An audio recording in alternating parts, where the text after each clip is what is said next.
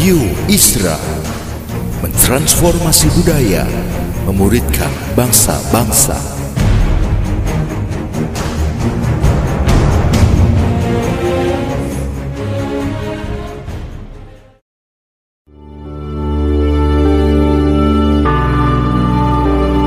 Apostolic Prophetic Messages mengungkapkan pesan dan arahan dari hati Tuhan bagi gerejanya demi menuntaskan mandat kerajaan Allah di Indonesia dan bangsa-bangsa. Selamat mendengarkan.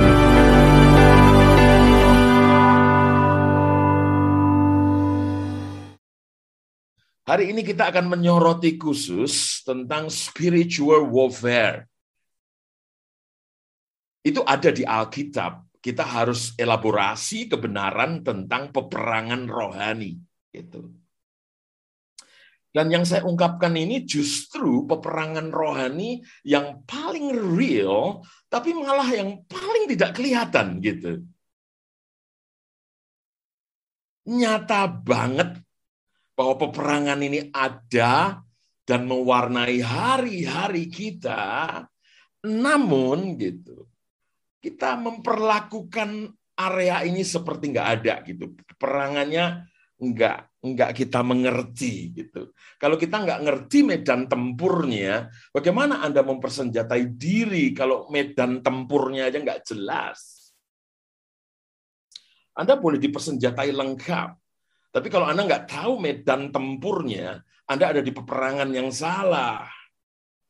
Anda pikir itu setan, itu bukan setan. Tapi Anda pikir itu bukan setan, itu setan. Kesalahan kesalahan medan tempur adalah sesuatu yang mengerikan dalam sebuah uh, spiritual warfare, peperangan rohani. Nah, saya justru malam hari ini akan mengungkapkan medan tempur yang nyata, battlefield, medan tempur yang nyata, tapi tidak terlihat oleh mata kita bahwa sebenarnya itu pertempuran gitu, yang di mana setan ada di belakangnya gitu. Saya kira saya akan bertanya dulu kepada teman-teman semua ya, setan ada nggak? Wah, tanpa ragu kita bilang setan ada. Tetapi ada kecenderungan sekarang generasi milenial ke, ke mengarah kepada generasi-generasi yang lebih baru dari milenial, mulai nggak percaya bahwa setan itu ada. Mereka menggantinya dengan istilah pengaruh jahat dan sebagainya sebagainya. Tapi Alkitab jelas, kokoh menyatakan kepada kita setan itu ada. Dan tentu di ruang Zoom ini kita percaya setan ada. Kalau ada ganggu kita nggak kira-kira? Kalau setan ada mengganggu manusia nggak? Ganggu dong. Kalau ganggu manusia termasuk ganggu kita nggak? Anda nggak diganggu? Iya, iya. Nah, teman-teman semua, apa sih bayangan Anda tentang setan menyerang kita? Kalau memang setan ada, ya, setan ganggu manusia. Heeh. Dan setan ganggu manusia dan manusia itu salah satunya kita. Ya, kita kena serang. Bagaimana serangan setan? Apakah konfrontasi frontal head to head gitu. Berhadapan-hadapan dan physically kelihatan setan serang kita gitu. Setan nggak segoblok itu. Setan itu malah malah kepinginnya dia itu nggak kelihatan tetapi penghancurannya nyata gitu. Jadi setan pun memakai senjata-senjata yang tidak terlihat dan bahkan nggak terasa. Bahkan yang nanti kita akan ungkapkan lagi adalah bahwa setan membuat itu seakan-akan kita padahal dia. Wah, ini gawat banget gitu. Jadi kalau Anda masih berpikir setan itu mesti terang-terangan nongol nyerang kita, ya, oh, kuntilanak gitu. Setan nyerang kita kayak Anda Eh, ke toilet malam hari minta ditemani suami karena seperti eh, perjalanan dari kamar ke toiletmu itu banyak setan ya ya Anda terlalu banyak nonton film horor udah gitu aja karena sebenarnya yang digambarkan film horor itu nggak seberapa dibandingkan horor serangan setan yang sesungguhnya gitu loh Nah, saya belajar tentang serangan-serangan setan diungkapkan strategi setan ya untuk hancurkan anak-anak Allah itu sesuai dengan predikat setan di Alkitab. Predikat setan di Alkitab jelas penipu. Yang diserang pikiran. Hawa kena itu. Alkitab jelas dalam surat Korintus. Hawa kena kelicikan dari setan yang menghajar area pemikiran. Jadi setan itu penipu, senjatanya tipuan. Tapi setan juga disebut perusak gitu. Dan di sini dia dia kirim tekanan dalam tubuh Ayub misalnya dengan seluruh penderitaannya. Setan itu penipu, ha serangannya di pikiran, tapi dia perusak, ha serangannya di tubuh. Tapi setan itu penguasa, Alkitab bilang, bahkan dikatakan penguasa kerajaan angkasa. Setan itu penguasa. Dan yang disasar kemauan kita dikembangkan menjadi sebuah kesombongan kita. Jadi setan hajar di pikiran, hajar di tubuh, hajar di jiwa bagian kemauan dengan memupuk kesombongan. Itu strategi setan paling paling menghancurkan juga. Nah, saya nggak akan mengungkap malam hari ini setan sebagai penipu, sebagai perusak, sebagai penguasa. Tetapi saya mau soroti khusus, setan disebut bapak pendakwa. Dia bapaknya penipu. Dia bapak penghancur. Iya. Dia bapaknya penguasa kegelapan. Iya. Tetapi saya mau soroti khusus, ini justru peperangan akhir zaman paling seru, justru di yang keempat. Namanya setan dengan julukannya pendakwa, tentu senjatanya dakwaan dan sasarannya hati nurani. Apa sasaran dakwaan? Hati nurani saudara. Dan ini peperangan paling seru.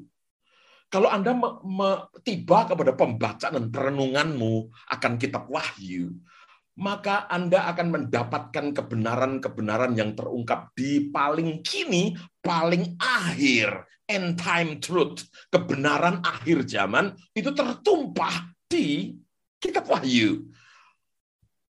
Kalau kita hubungkan peperangan rohani dengan kitab Wahyu, maka kau akan menemukan bahwa ternyata setan itu sudah tahu waktunya singkat, kata kitab Wahyu, maka dengan geramnya yang dahsyat dia turun ke bumi, waktunya udah nggak banyak serang manusia, maka Alkitab bilang dengan geram yang dahsyat dia turun ke bumi.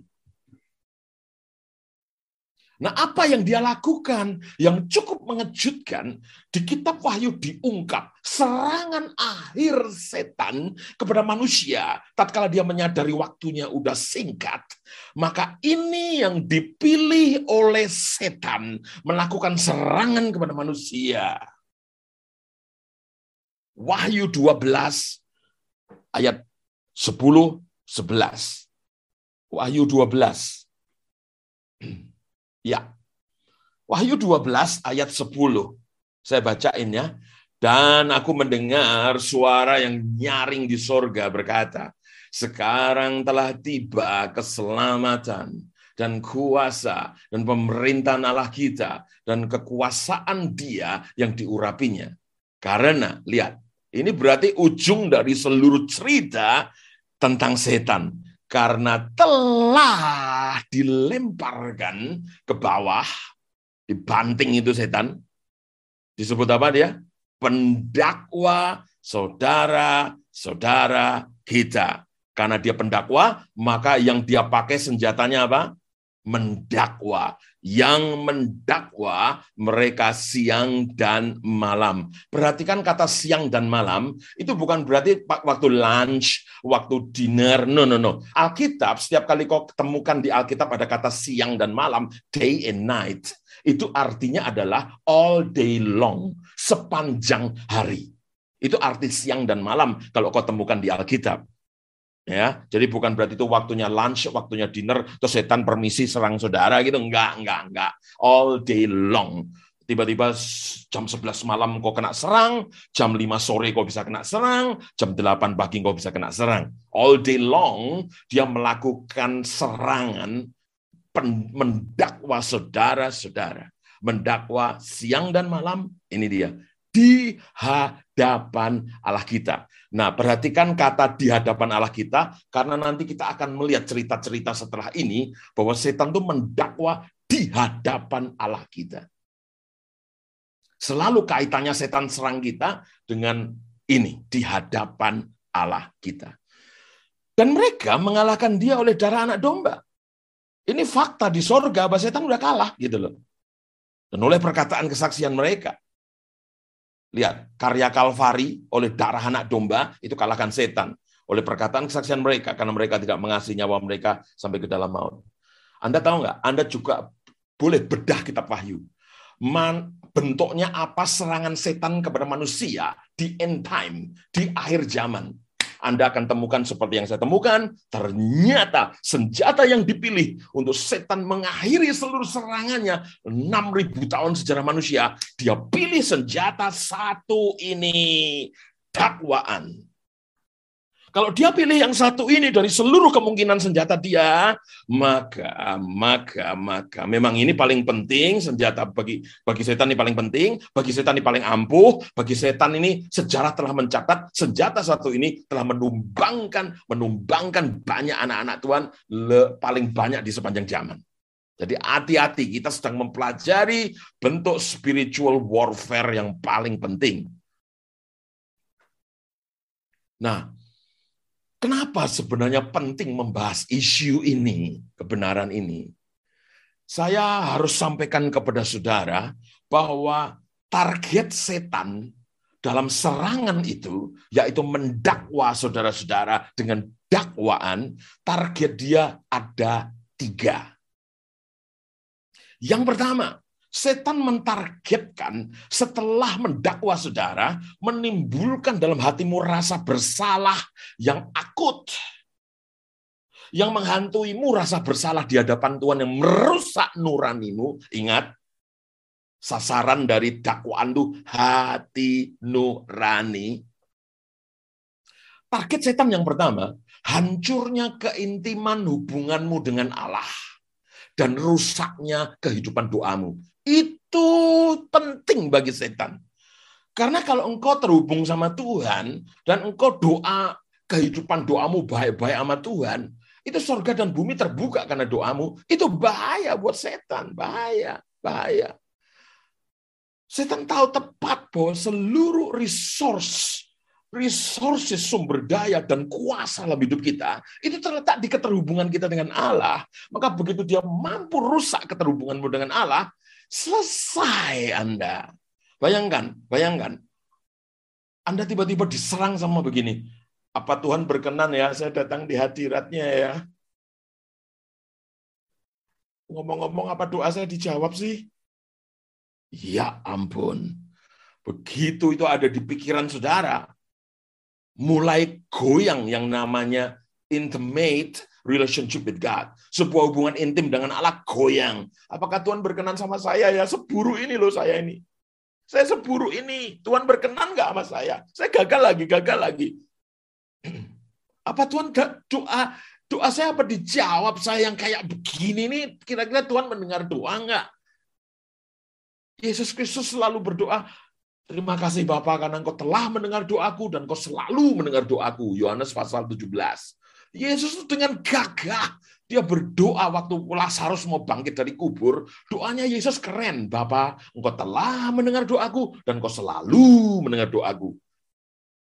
Makanya Yesus itu bahaya banget bagi kerajaan setan. Karena Yesus punya keyakinan Bapak selalu mendengar doanya dan sudah mendengar doanya. Jadi Kristen itu kalau dibuat dibuat keintiman sama Tuhan dan doanya terganggu, selesai gitu. Udah, karena karena God is our strength gitu. Tuhan itu kekuatan kita. Nggak terhubung sama Tuhan, itu nggak terhubung sama kekuatan. Nggak terhubung sama Tuhan, nggak terhubung sama pusat segala macam keindahan dan kekuasaan. Udah jelas.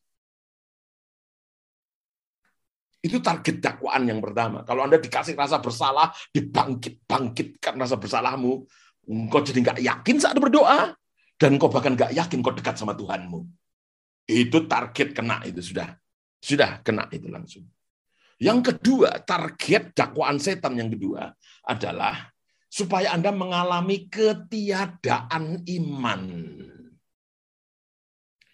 Karena Anda merasa bersalah, nggak feel oke okay di hadapan Tuhan, Anda rasa kurang mm, hal-hal tertentu di hadapan Tuhan, yang terjadi Anda susah meyakini sesuatu kalau sesuatu itu bakal terjadi.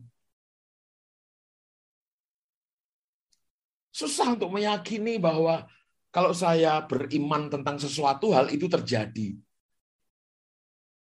Karena saya bersalah. Bagaimana saya minta sesuatu yang indah? Bagaimana saya mengamini sesuatu yang penuh kemenangan? Mengamini dan mengimani sesuatu yang baik. Oh, saya kayak begini, masa kalau saya minta, ya saya yakin kalau saya minta roti, maka Tuhan kasih ular gitu.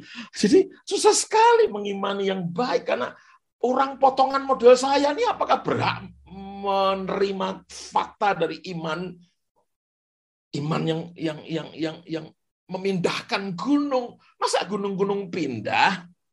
Karena saya, karena iman saya, sementara keadaan saya secara rohani aja carut marut, gagal di moral, dan wow, kita mengalami banyak kegagalan di hari-hari. Kemudian kita jadi nggak yakin gitu, mau minta mau minta roti sama Tuhan itu sungkan. Bayangan kita kalau kita minta roti Tuhan kasih ular itu. Sungkan mau mengimani hal yang baik. Oh keadaan kita sedang nggak baik kok ngimani hal baik. Ah, masa iman saya didengar dan terwujud. Nah, itu dia. Setan kulik-kulik terus. Setan berusaha yakinkan kayak kamu imanmu bisa didengar. Gunung nggak akan pindah. Jadi setan menyasar kepada goncangnya iman saudara karena perasaan ketidaklayaan saudara, sudah merasa enggak enggak berhak meng, me, mengimani dan dan dan mengamini sesuatu yang baik imanmu rontok. Padahal iman itu yang mengalahkan dunia, kata Alkitab. Setan tahu bahwa iman kita lah yang mengalahkan dunia. Dunia, kata kata kata surat Yohanes, bahwa iman kita yang mengalahkan dunia. Setan tahu kalau iman kita ditumbuh kembangkan, kita bakal kalahkan dunia. Maka yang setan serang iman kita. Kita kita kita didakwa, diberi keyakinan bahwa kita nggak pantas mengimani sesuatu yang indah dan yang besar. Puro-puro mindahin gunung. Gitu. Yang ketiga, sasaran dari dakwaan setan ini begini Supaya kita supaya kita memiliki keraguan mengenai potensi kita untuk dipakai Allah. Itu yang ketiga. Ini kalau udah dikunci di situ, kita nggak yakin Tuhan bisa pakai kita selesai gitu. Udah, udah. Setan langsung menang gitu aja. Kenapa? Karena kita punya keraguan gitu. Kita sebetulnya berpotensi dipakai Tuhan, tapi kita nggak yakin Tuhan tuh mau nggak pakai saya yang yang yang yang penuh. Ya ampun. Kita berpikir bahwa Tuhan tuh hanya pakai orang yang flawless tanpa cacat. No no. Lihat di Alkitab orang-orang lemah yang Tuhan bangkitkan. Alkitab bilang yang bodoh dibangkitkan dipakai untuk mempermalukan orang berhikmat jadi kita tuh punya keraguan gitu. Kita dibikin ragu masa sih Tuhan mau pakai aku. Mau compang-camping moral, compang-camping kerohanian, compang-camping pemikiran, compang-camping cara hidup. Masa bisa dipakai Tuhan aku jadi hamba Tuhan kayak begini nih. Wow. Setan ingetin terus kekuranganmu, kegagalanmu, kejatuhanmu, kemunduranmu. Itu setan bangkit-bangkit dalam nuranimu. Selesai. Anda langsung kehilangan tiga hal. Hubunganmu sama Allah, imanmu, dan potensi keterpakaianmu oleh Tuhan. Nah, Bapak Ibu Saudara, bayangkan menurut penelitian, kita tuh sehari gagal 14 kali. Bangun tidur, menggeliat, iya kesleo. Masuk kamar mandi, sikat gigi, iya gagal kedua, gusinya kena sikat gigi berdarah. Hmm, mau berangkat kantor kepleset depan rumah. Iya, tiga kali gagal. Sampai di kantor mengeluarkan kata-kata yang menyinggung perasaan teman kerja. Iya, empat kali gagal. Sehari itu manusia katanya gagal 14 kali rata-rata. Dan gagal itu gagal moral, bentuknya dosa gagal di pekerjaan, aku kok nggak perform ya? Wah setan jelas akan datang dakwa. Pekerja macam apa kamu? Gagal terus, gagal terus, pekerjaanmu nggak ada yang perform. Kamu dari dulu bisnis mana berhasil? Didakwa. Itu karena kamu bodoh. Setan selalu ingatkan kita akan kegagalan moral kita. Orang yang punya jejak dosa macam kamu, nggak bisa dipakai Tuhan ubah dunia. Jangan kan ubah dunia, kamu punya pengaruh di kampungmu saja nggak kamu. Gitu kira-kira. Gagal moral, gagal kerja, gagal hubungan coba. Kita tuh hari-hari gagal hubungan sama istri gagal, sama anak gagal, sama suami gagal menghormati suami, sama rekan-rekan pelayanan gagal, sama pendeta gagal, hubungan-hubungan penuh gagal. Nah, kalau kita memang gudangnya gagal begini, kita jadi sasaran empuk bagi setan untuk habisi kita dengan yang namanya dakwaan. Tuh gagal lagi kan, tuh, tuh gagal kan. Di sini kamu gagal, di sini kamu gagal. Eh, nanti kamu pasti gagal juga. Lihat, dan itu membuat kita nggak memiliki self confident yang suci, sebuah rasa percaya diri yang suci karena Tuhan bersama kita. Nggak bisa lagi. Nah, kita mau lihat ada satu tokoh di Alkitab, Imam Besar Yosua. Imam Besar Yosua ini mengalami seperti hari-hari yang kita alami. Dia berposisi sebagai imam besar Yosua yang memang dalam kisah ini diceritakan bersalah dan dia didakwa setan. Mari kita lihat Sakaria 3 ayat 1 sampai 3. Ini ayat ya syarat pewahyuan. Catat untuk untuk saat teduh Anda, syarat pewahyuan. Zakaria 3 ayat 1. Kemudian ia memperlihatkan kepadaku, Zakaria nih si penulis kitab ini, ia memperlihatkan kepadaku imam besar Yosua berdiri di hadapan malaikat Tuhan. Sedang iblis berdiri di sebelah kanannya untuk mendakwa dia. Emang gitu setan itu berdiri di sebelah kanan kita, mendakwa kita. Imam besar Yosua, imam besar loh. Siapa di ruangan yang pendeta? Enggak bebas pendeta dari dakwaan. Bahkan kau mungkin lagi merapat malam ini nih engkau pendeta yang sedang rasa gagal, rasa jatuh secara moral, jatuh dalam pelayanan, engkau engkau sedang mengalami rasa, sejuta rasa tidak enak. Saya mau kasih tahu, posisimu sama dengan imam besar Yosua. Iblis berdiri sebelah kanannya dan dia sedang didakwa setan. Lihatlah ayat 2. Lalu berkatalah malaikat Tuhan kepada iblis itu. Tuhan tidak biarkan hambanya seimam besar dikuyo-kuyo. Enggak. Ditekuk-tekuk. Enggak dibiarin nama Tuhan. Hmm. Lalu berkatalah malaikat Tuhan kepada iblis itu, Tuhan kiranya menghardik engkau, hai iblis. Tuhan yang memilih Yerusalem, kiranya menghardik engkau. Bukankah dia ini puntung yang telah ditarik dari api? Ini ada pewahyuan besar di belakangnya. Diingat-ingat ya, di kalimat ini nanti saya ungkap di bawah. Bukankah dia ini puntung yang telah ditarik dari api? Oh, jadi itu Tuhan tuh marah-marah sama setan. Ya hardik tuh setan. Hmm, Kiranya Tuhan menghardik engkau. Jadi setan ditangani sama Tuhan. Waktu setan melakukan attack serangan, maka Tuhan hardik setan. Dan kemudian kejadiannya terus berlanjut ayat 3.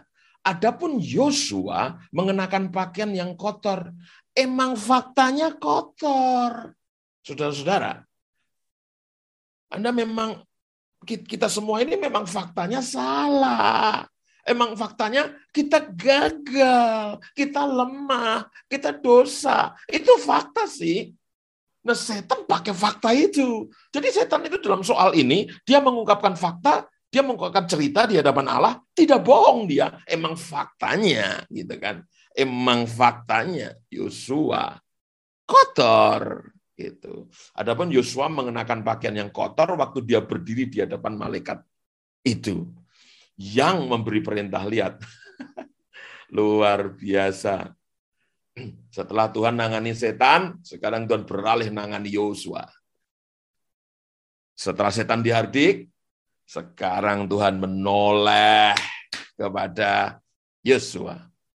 yang memberikan perintah kepada orang-orang yang melayaninya. Tanggalkanlah pakaian yang kotor daripadanya. Waduh, kekotoran Yosua disuruh ditanggalkan oleh Tuhan.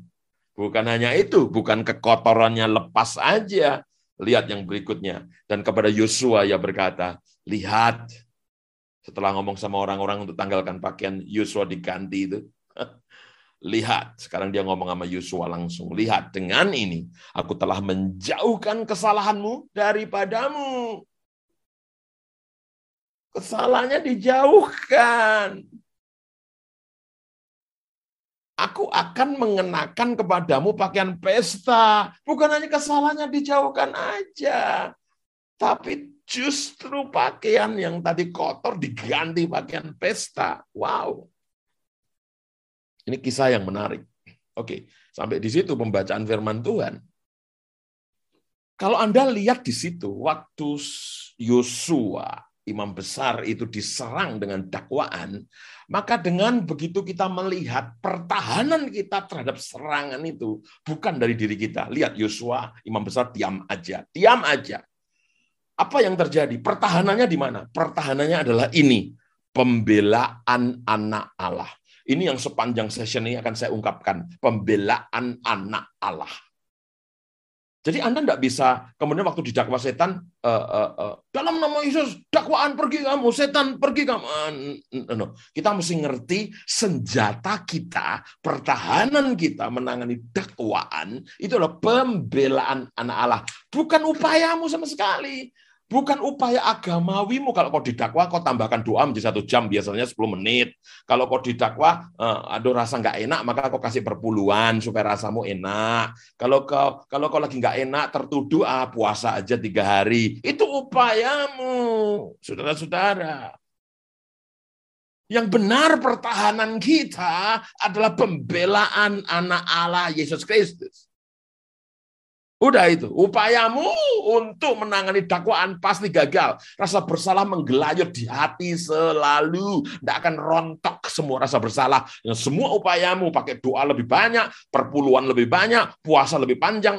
No, no, no. Yang pertama kunci dari menangani dakwaan itu adalah pembelaan anak Allah. Kesadaran inilah yang bikin kamu bisa mengatasi itu.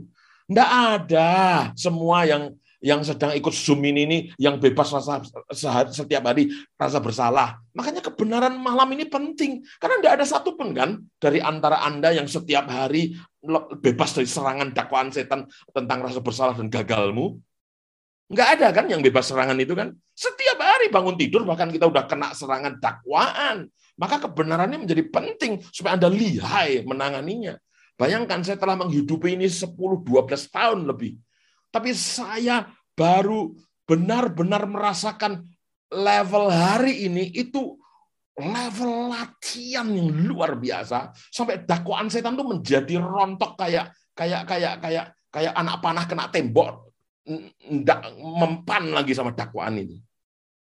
Anda akan tiba pada situasi di mana benar-benar perisai Anda cukup untuk menangani serangan dakwaan itu. Kalau Anda tahu pewahyuan tentang pembelaan anak Allah.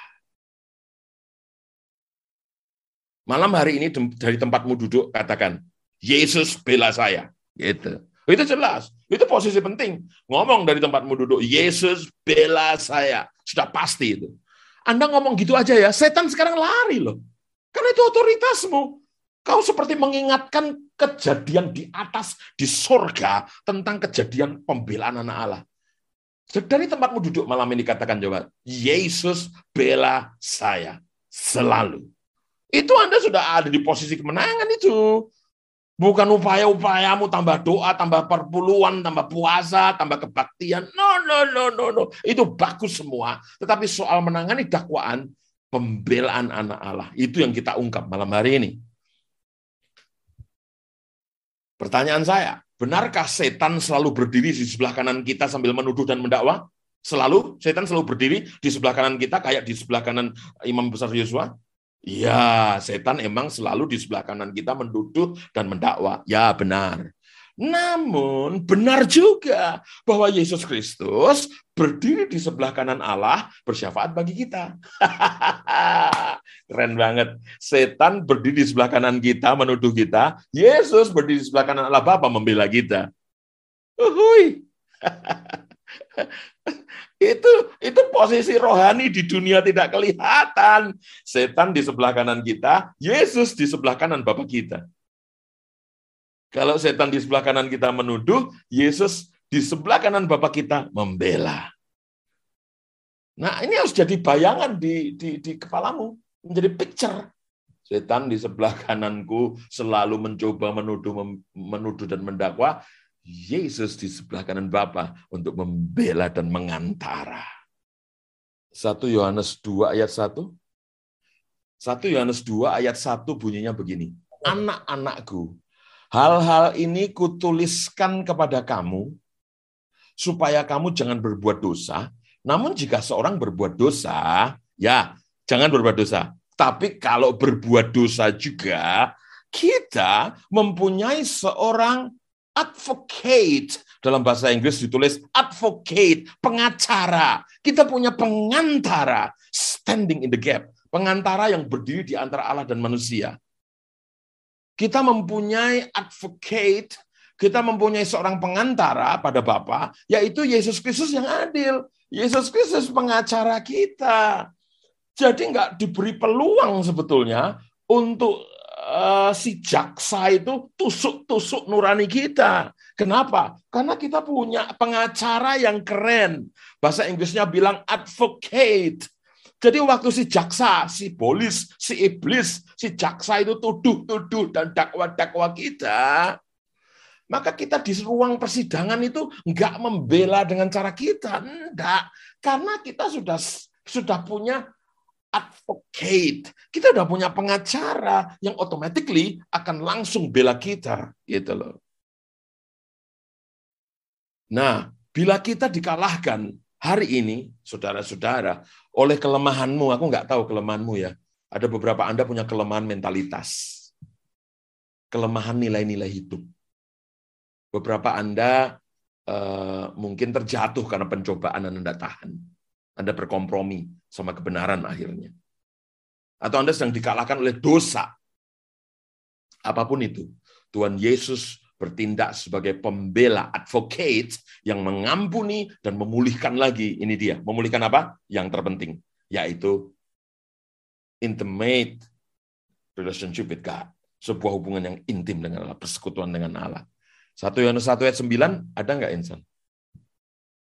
Satu Yohanes 1 ayat 9. Jika kita mengaku dosa kita, maka ia adalah setia dan adil sehingga ia akan mengampuni segala dosa kita dan menyucikan kita dari segala kejahatan. Dikatakan kalau Anda memang memang faktanya Anda berdosa, ingatlah, ngaku dosamu, maka ia adalah setia dan adil. Oh, kamu ngaku sampai tiga kali ya, nanti keempat kali kamu gak usah ngaku lagi, karena aku pasti gak akan mengampuni kamu itu dia bukan setia.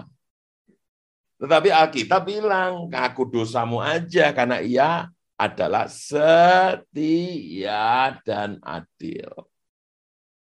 Sehingga ia akan mengampuni segala dosa kita. Kata-kata setia itu jaminan bahwa penerimaan dan pengampunannya sama kita tuh long lasting. Nah, coba Anda bayangkan kembali suasana di sidang ruang sidang surgawi tadi di mana Allah sebagai hakim ada di tahta. Terus imam besar Yosua berdiri di hadapan Allah dengan jubah yang kotor, ya bersalah. Terus setan berdiri di sebelah kanan Yosua dengan tangan yang ditudingkan ke arah Yosua sambil mendakwa. Bayangkan, tapi Yesus Kristus berada di kanan Allah untuk memulihkan keadaan Yosua, menggantikan posisi Yosua. Wow. Tanggalkanlah pakaian kotor itu. Weh. Jauhkan kesalahan, aku telah menjauhkan kesalahan daripadamu. Memakaikan pakaian pesta. Saudara-saudara, hal ini menjelaskan bahwa mengapa Yesus pergi ke sorga dengan luka di tubuhnya nggak hilang. Saudara, kalau nanti jumpa Yesus di kekekalan, Anda akan lihat luka Yesus itu nggak hilang. Beberapa orang yang faktual, secara fakta, pernah ketemu Yesus atau me, me, me, me, mengalami Tuhan, berjumpa Tuhan, mereka bilang bahwa Yesus itu luka-luka lubang di tangannya, bilur, di, terus juga kaki itu nggak hilang. Luka-luka itu dibawa sampai kekekalan. Banyak sekali cerita yang nggak terhitung dalam sejarah. Bahkan di sejarah modern ini, orang-orang yang menjumpai Yesus Kristus diberi anugerah bertemu dengan Yesus Kristus. Mereka selalu menceritakan ciri yang sama. Luka-luka Yesus itu nggak hilang, melekat di tubuhnya. Itu bukti kekal. Luka-luka itu kekal sekaligus sebagai bukti kekal bahwa Yesus telah mati dan mencintai kita dengan kasih yang kekal pula. Sehingga bukti itu dibiarkan tetap ada. Enggak kemudian tangan yang berlubang paku, terus kemudian tangannya enggak lubang lagi. No. Di kekekalan itu, itu petunjuk dan bukti jelas bahwa sekekal luka itu, sekekal itu pula, pulalah cintanya kepada kita. Setiap kali kita datang kepada dia, selalu saja ada kesempatan untuk pulih, kesempatan untuk dibikin bebas dari dakwaan. Selalu dia setia dan dia akan tunjukkan luka ini tidak hilang. Kasihku kepadamu seperti luka ini, nggak akan pernah hilang. Sekarang, apakah Allah menutup fakta? Men, sorry, apakah Allah menutup mata pada kenyataan dosa Yosua? Enggak, emang Yosua kotor. Faktanya emang kotor, faktanya Anda jatuh gitu. Allah tidak menutup mata untuk fakta itu. Allah tidak pernah membela dosa anak-anaknya, tapi ia akan membela anak-anaknya. Coba Anda lihat beberapa kisah di Alkitab ya. Salah satu contoh saja Abraham. Abraham ini jelas-jelas loh, tidak taat sama Tuhan, nyelonong aja pergi ke Mesir. Malah ada satu cerita sejarah yang mencatat bahwa bahwa dia stuck di Mesir 15 tahun. Jadi Abraham ini sempat tidak taat loh. Dan bahkan di sana kemudian Abraham itu berdusta tentang istrinya. Udah kagak taat, berdusta pula loh tentang istrinya. Orang-orang nanya itu siapa itu? Itu adikku. Dia sampai nipu orang-orang supaya dia bisa, waduh, dia dia dia dia mencoba gitu ya melindungi dirinya dan istrinya dengan cara dia menipu. Allah tidak membela dosa Abraham. Enggak. Tapi kita lihat di di di di, di, di kisah itu Tuhan membela Abraham dengan sungguh-sungguh loh. Tiba-tiba Tuhan itu ngerjain hati Firaun gitu ya sehingga Firaun tuh nggak nggak menodai Sarah loh, istri Abraham, nggak dinodai. Malah justru Allah menolong Abraham keluar dari Mesir dengan aman. Sampai dikasih bekal, dikasih kekayaan. Udah jangan ke sini lagi. Ya ya ya keluar dari Mesir. Semua diatur Tuhan, dibela Tuhan. Loh, ini kan faktanya orang nggak taat ini. Yang mau ke Mesir juga dia sendiri, yang ke prosok dia sendiri, sampai jadi nipu dia sendiri. Tapi Tuhan itu emang jagonya dan ahlinya berkasih karunia. Hingga diputuskan Tuhan membela Abraham. Saya yakin Tuhan tidak membela dosa Abraham, tapi Abraham itu punya panggilan dan Abraham itu dibela oleh Tuhan. Bahkan bukan cuma di situ, dibawalah budak perempuan dari Mesir namanya Hagar. Hagar ini diambil, dibawa sampai menjadi masa bagian dari masalah rumah tangganya itu. Dan Hagar harus diusir. Bayangkan, kebelet punya anak, sampai menghalalkan segala cara. Salah nggak? Salah banget dong. Dari Hagar lah lahir Ismail. Bikin problema dari generasi ke generasi, bukan? Iya enggak? Jadi Abraham itu bersalahnya fatal nikahi Hagar gimana sih? Ah, keluar Ismail yang bikin problem sampai hari ini, saudara. Tetapi lihat, Allah tetap berkuasa menggenapi seluruh maksudnya bagi Abraham dan Sarah kok. Ada ganjalan Abraham nipu tentang Sarah, ada ganjalan uh, Abraham pengen punya keturunan tapi Sarah nggak bisa ngasih dia kawini uh, budak. Waduh, saudara-saudara. Kesalahan berjibun. Namun lihat, rencana Allah genap dalam diri Abraham, bapak segala bangsa. Wow. Kalau Anda mendengarkan dakwaan setan, itu cenderung Anda akan memusatkan perhatian pada diri sendiri dan dosa Anda. Udah pasti itu. Setan itu akan membuat Anda terdakwa dan kemudian Anda menjadi memperhatikan diri sendiri, memperhatikan dosamu sendiri, terus sibuk dengan dirimu sendiri. Aku salah, aku gagal lagi, aku kok begini, aku lemah banget sih, aku kok aduh, apa aku bisa tumbuh sih, apa aku bisa bangkit lagi. Lihat, dakwaan setan itu mengakibatkan perhatian pada diri sendiri dan perhatian pada dosa Anda sendiri. Dan inilah yang kemudian mengakibatkan kekalahan dan keputusasaan. Setiap kali Anda berkonsentrasi kepada lemahmu, dosamu, gagalmu, buah yang lahir dari sana, keputusasaan. Ayo, siapa yang di ruangan Zoom ini berani angkat tangan bilang, sejak aku merenungi dosaku terus, aku tambah damai, aku tambah seger, aku tambah kuat. Hah? Ada? Enggak ada, bukan? Waktu Anda merenungi dirimu dan dosamu, engkau tambah terpuruk, itu jelas, tambah putus asa. Namun apabila Anda mendengar teguran roh kudus, pasti Anda akan dibawa kepada iman kepada Yesus Kristus Sang Pembela kita, yang telah mati bagi kita. Dengar baik-baik, Allah tidak dapat menolak Anda, karena Anda adalah milik Kristus. Kristus, putra tunggalnya Tuhan yang hebat itu. Tuhan Allah di sorga tidak bisa menolak orang yang ada di dalam Kristus. Di ruangan Zoom ini, make sure, pastikan apakah Anda sedang in Christ Jesus? Kalau Anda ada di dalam Kristus, Bapa Allah di sorga tidak bisa menolak Anda.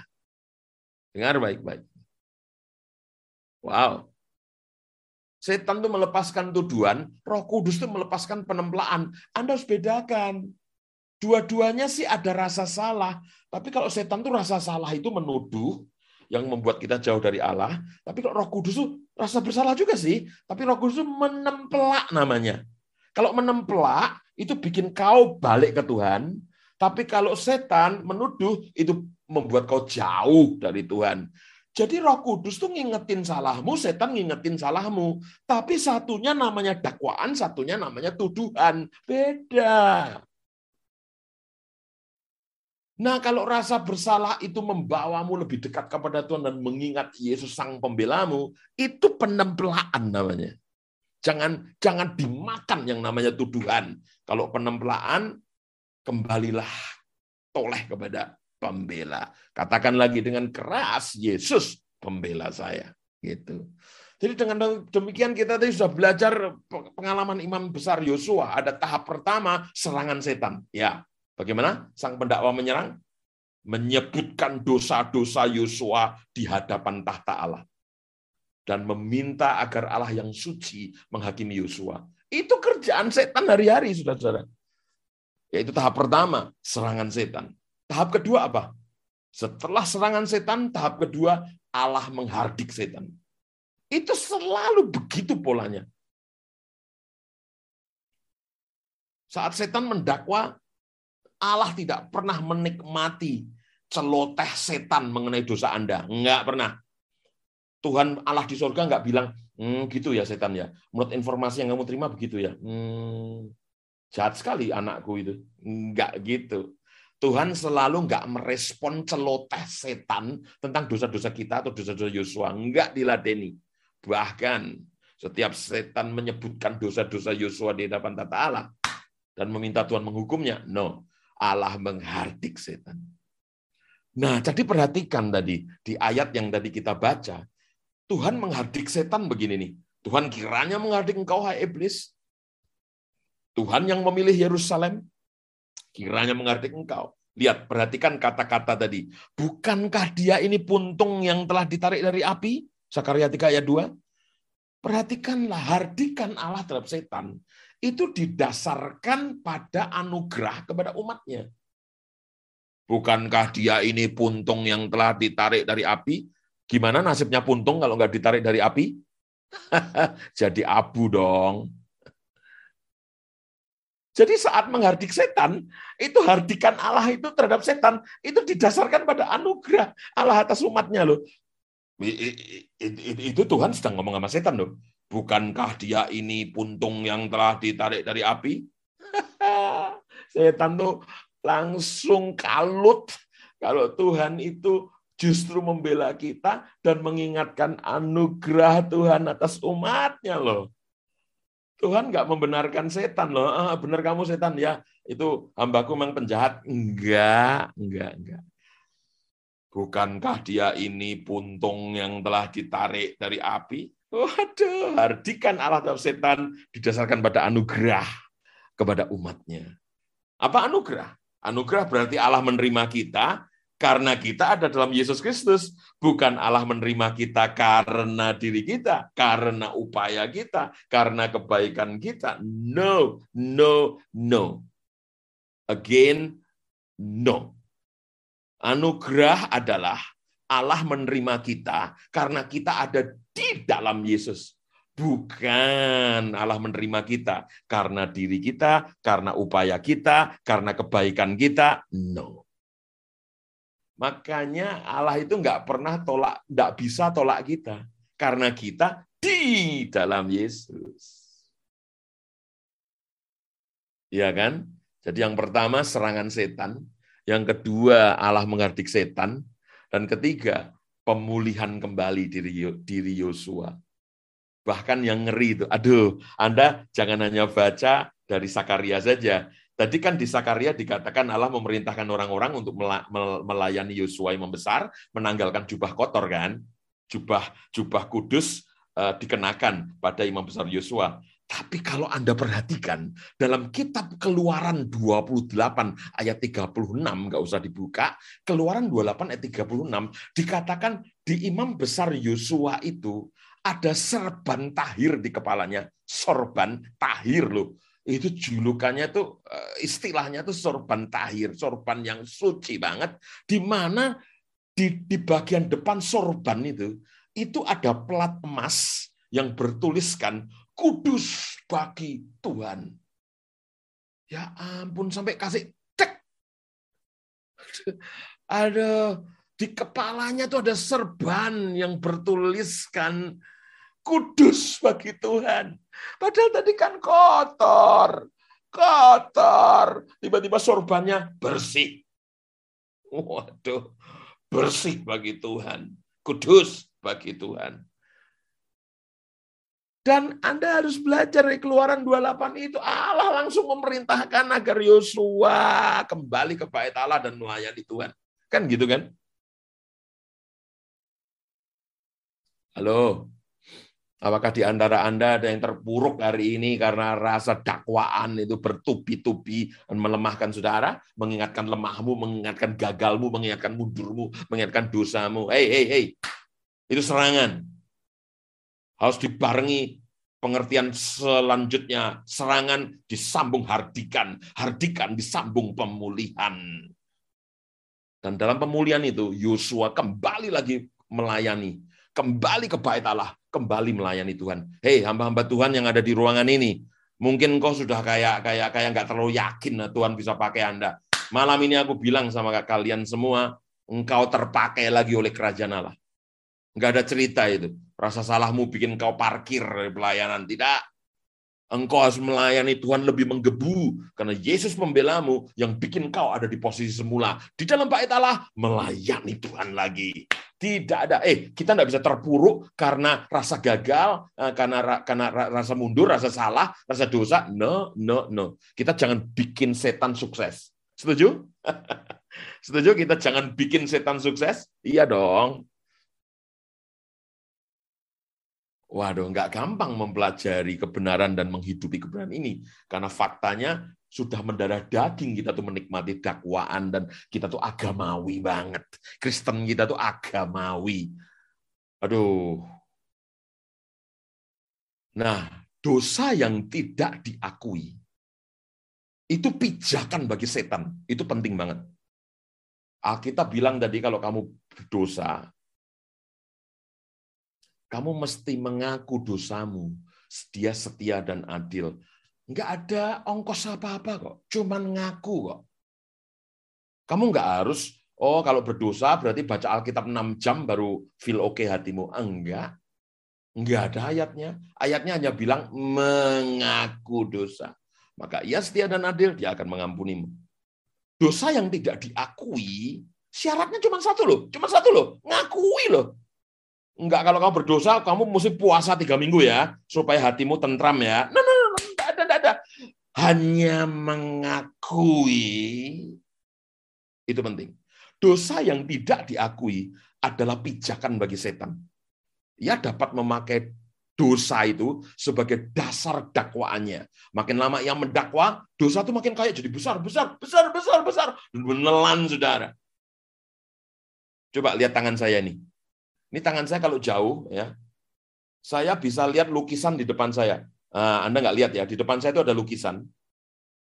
Ini kalau tangan saya tak jauhkan, saya bisa lihat lukisan saya. Tapi lihat, kalau saya dekatkan tangan saya ke mata saya, makin lama, makin lama, tangan saya makin gede dan tulisan makin nggak kelihatan.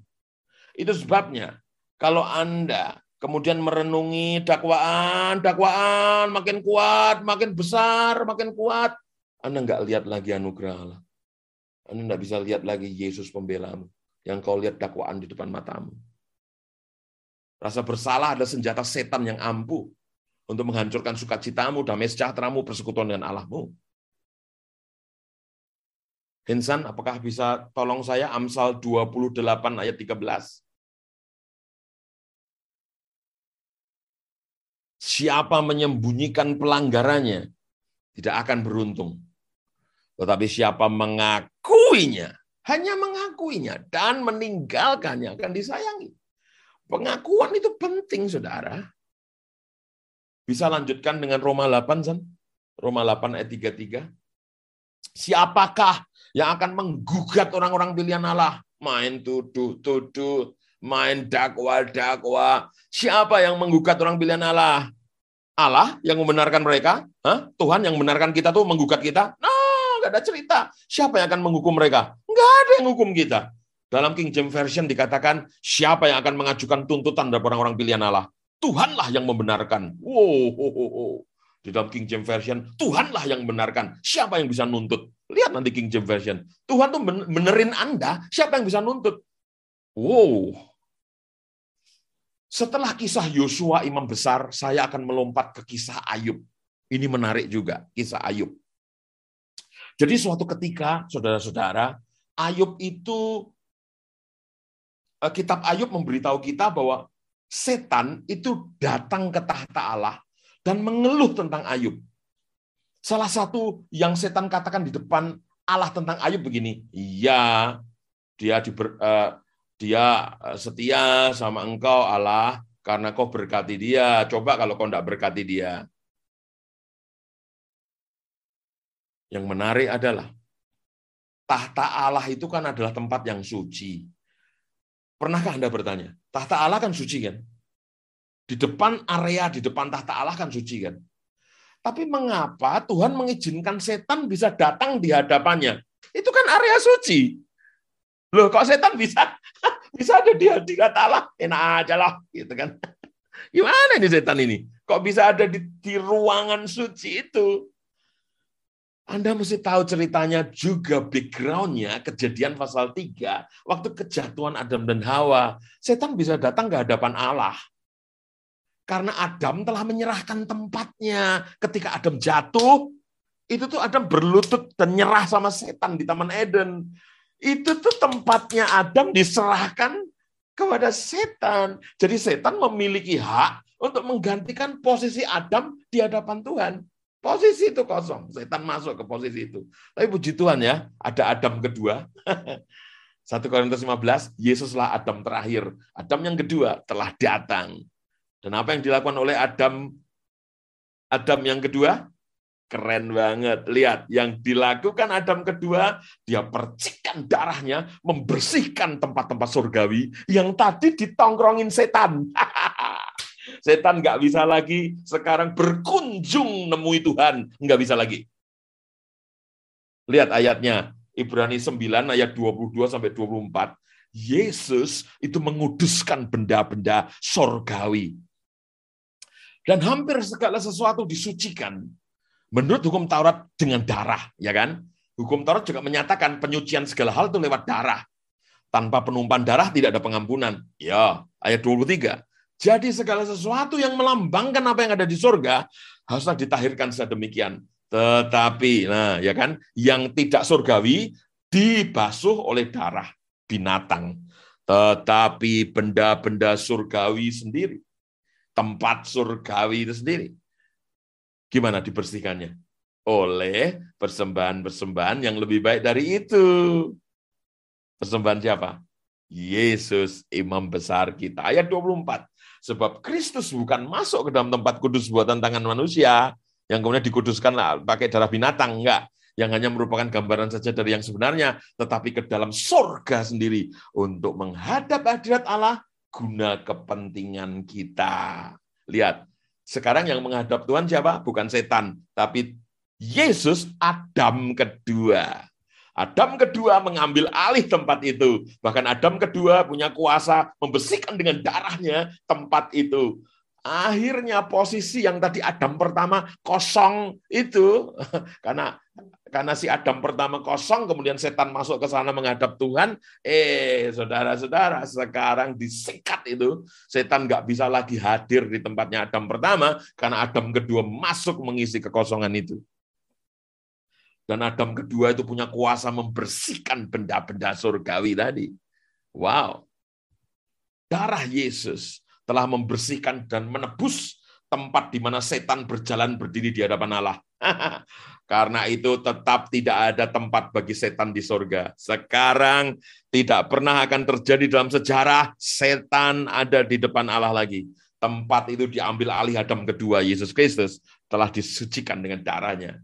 Dia tidak bisa datang lagi ke hadapan Tuhan di sorga menuduh Anda. Gak bisa.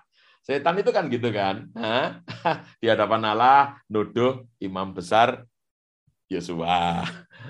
Tentang Ayub, dia datang ke Tuhan, jelek-jelekin Ayub, gitu kan. Setan tuh bisa datang ke Tuhan, bisa datang ke Tuhan. Sekali ini nggak ada nggak ada tempat, nggak ada tempat, nggak ada nggak ada waktu Bapak di surga meladeni setan lagi. Sekarang posisi itu lihat, setan nggak bisa nggak bisa orang Jawa bilang wadul, wadul itu apa ya? Mencoba uh, uh, ya kayak kayak kayak menceritakan jeleknya manusia. Iblis tidak dapat datang ke hadapan Tuhan lagi. Dia datang kepada Anda di bumi dengan menuduh Anda dalam hati nurani Anda. Jadi, sekarang setan itu tidak bisa datang ke Tuhan untuk menuduh Anda di sana, di surga. Nggak bisa, nggak bisa. Karena Yesus telah membereskan tempat itu. Jadi yang di hadapan Allah itu sudah tidak tidak setan tidak bisa lagi ada di hadapan Allah. Nah, karena setan sekarang ini tidak dapat datang lagi kepada Tuhan di surga, maka sekarang setan langsung datang kepada Anda, saudara-saudara. Langsung datang pada Anda di bumi. Karena dia tidak bisa di surga, dia di bumi aja langsung temui saudara. Menuduh Anda dan menghajar hati nurani Anda. Karena dia tidak bisa lapor ke Bapak di surga nggak ada peluang lagi. Tempatnya udah suci di sana. Jadi setan sekarang nggak ke surga, tapi ke bumi. Langsung temui Anda. Hajar Anda face to face, head to head. gitu. Kalau begitu, eh, siapa yang ada di hadirat Tuhan hari ini? Yesus dong, ya kan? Ya tadi menghadap hadirat Allah guna kepentingan kita. Kan ayatnya jelas tadi menghadap hadirat Bapa untuk kepentingan kita. Sedap. Wow. Jadi apa yang terjadi pada Ayub tidak dapat terjadi pada Anda. Kasihan loh Ayub itu. Kalau kita kan ada pembela. Jadi waktu setan lapor ke Allah tentang Ayub, Ayub nggak ada yang bela. Pada Ayub itu pengen banget loh. ada orang yang bela dia di hadapan Bapak loh. Tapi nggak ada. Coba lihat Ayub 9 ayat 33. Ayo semua lihat kata-katanya persis bahasa Inggrisnya disebut mediator juga. Ayub 9 ayat 33. Wow, itu ungkapan Ayub tuh. Tidak ada wasit, bahasa Inggrisnya mediator. Tidak ada wasit, tidak ada mediator di antara kami yang dapat memegang kami berdua. Jadi memang Ayub itu punya punya punya kerinduan ada mediator sih, memediasi dia gitu ya. Oh ya, Ayub itu mendambakan mediator, tapi dia tidak memilikinya. Dia butuh mediator saat iblis menjelekkan dia di depan Allah. Ya dong. Anda suka nggak kalau Anda dijelek-jelekin orang, terus Cornelius Wing datang membelamu? Menjadi mediator. Ah, si Ayub itu pengen punya mediator yang bela dia di depan Allah. Tapi nggak ada. Yesus belum nongol kan? Kita punya Yesus loh, saudara-saudara, mediator. Uh, impian Ayub itu kenyataan kita. Ayub banyak bermimpi punya mediator yang bela dia. Tapi hari ini fakta itu malah kita yang memiliki. Kita memiliki Yesus perantara kita, mediator kita, pensyafaat kita. Insan bisa tolong dibuka 1 Timotius 2 ayat 5? 1 Timotius 2 ayat 5. Karena itu, karena Allah itu esa, dan esa pula dia yang menjadi apa? pengantara, mediator dalam bahasa lain, mediator antara Allah dan manusia, yaitu manusia Kristus Yesus. Jadi Yesuslah mediator kita. Wow. Kolose 2 ayat 13 sampai 15. Apa upaya Yesus? Keren banget saudara-saudara. Ayat ini mesti menjadi ayat emasmu kalau engkau menghadapi pergumulan dakwaan dong. Ini ayat keren. Kolose 2 ayat 13 sampai 15. Kamu juga meskipun dahulu mati oleh pelanggaranmu dan oleh karena tidak disunat secara lahiriah telah dihidupkan Allah bersama-sama dengan dia sesudah ia mengampuni segala pelanggaran kita. Lihat apa yang dilakukan Yesus Kristus. Lihat, yang dilakukan Yesus adalah ayat 14 dengan menghapuskan surat utang jadi Anda tuh sudah tidak ada utang dosa, menghapuskan surat hutang yang oleh ketentuan-ketentuan hukum mendakwa dan mengancam kita. Surat itu dihapus. Surat itu dihapus yaitu surat yang isinya ketentuan hukum yang mendakwamu, kasih kamu rasa bersalah tiap hari karena kamu gagal, kamu dosa, kamu mundur, kamu salah. Surat itu dihapus Yesus Kristus. Wuhui ketentuan hukum yang mendakwa dan mengancammu hilang. Dan lihat ayat berikutnya. Dan itu bukan dihapus saja, ditiadakannya. Asik kan? Ada surat yang isinya ketentuan hukum yang mendakwa kita, menuduh kita itu bukan hanya dihapus suratnya, ditiadakannya. Jadi kalau Anda bilang sama Tuhan Yesus, Tuhan aku salah ini, salah itu, Tuhan bingung. Terus Tuhan bilang, yang mana sih nak? Yang itu loh, masa Tuhan lupa? Yang mana sih? Kan udah hilang. udah dihapus. Kok kamu ngeyel kalau kamu punya, udah nggak ada. Dan itu ditiadakannya dengan memakukannya pada kayu salib. Ya telah melucuti pemerintah-pemerintah. Lihat ayat 15 ini keren. Setan kalahnya, bayangkan ya, ditangani dakwaannya ayat 14, tapi diceritakan kekalahannya ayat 15. Enggak kebetulan dong. Jadi ayat 15 bilang ia telah melucuti pemerintah-pemerintah dan penguasa-penguasa dan menjadikan mereka tontonan umum dalam kemenangannya atas mereka. Setan kalah. Pemerintah-pemerintah penguasa setan kalah. Setelah apa? Kalah setelah ayat 14. Yaitu dakwaannya dihapus. Baru ada ayat 15 setan kalah dijadikan tontonan umum. Kapan setan kalah? Ayat 15. Setelah ayat 14. Wow, ketentuan hukum yang mendakwa dihapus di ilangin, dia tiadakannya. Baru ada ayat setan kalah. Itu loh saudara-saudara. Uh, jelas kan? 15-nya setan kalah, 14-nya cerita dakwaan ditiadakan dan dihapuskan. Wow. Setan tidak dapat menyerang kita frontal secara terbuka. Tidak bisa. Tidak bisa lagi. Tidak bisa. Setan tuh menyerang kita hari ini dengan cara apa? Harus menipu Anda dengan berpikir begini. Tuh, Tuhan menentang kamu tuh.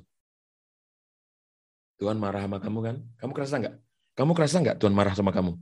Kerasa nggak enak kan? Kerasa nggak enak kan? Tuhan lagi nentang kamu. Loh, lihat, lihat. Buktinya damai sejahtera nggak ada kan? Nah, itu. Itu Tuhan lagi nentang kamu itu. Dia kecewa sama kamu loh. Wong kamu hamba Tuhan kok kayak begitu. Aduh. Dan penyakit kemis penyakit serta kemiskinanmu sekarang ini, ambruknya bisnismu sekarang ini, itu hukuman Tuhan atas dosamu. Gila, kita ngaminkan itu. Oh iya benar, benar. Ambruknya bisnisku karena salahku kok. Kita renungi terus. Saya benar-benar kita ambruk akhirnya. Sekarang saya mau ungkapkan salah satu strategi kebohongan setan. Camkan baik-baik ya. Ini penting banget. Inilah strategi setan paling paling licik dan licin. Setan itu terkadang menggunakan kata ganti orang pertama. Saya ulangi, ini strategi penting anda kan selalu self talk tiap hari kan, bicara sama dirimu sendiri kan. Ini penting. Jangan tertipu sama kebohongan iblis. Ini kebohongan iblis di sini. Menggunakan kata ganti orang pertama untuk menanamkan pikiran di kepala kita untuk menipu kita. Yaitu dengan kata ganti orang pertama. Jadi gini maksudnya. Setan itu tidak langsung serta-merta bisikin kamu dan dan dan setan bilang begini, kamu jatuh lagi kan, dan makin menjijikkan toh. Seakan-akan yang ngomong setan kan itu. Gitu kan ya. Ya, itu kayak setan setan nggak akan seperti itu. Setan tuh nggak goblok, saudara-saudara. Dia bilang, ho, ho, ho, ho, saya setan, saya datang, saya akan menuduhmu. Bahwa kamu jatuh lagi kan, kamu menjijikkan.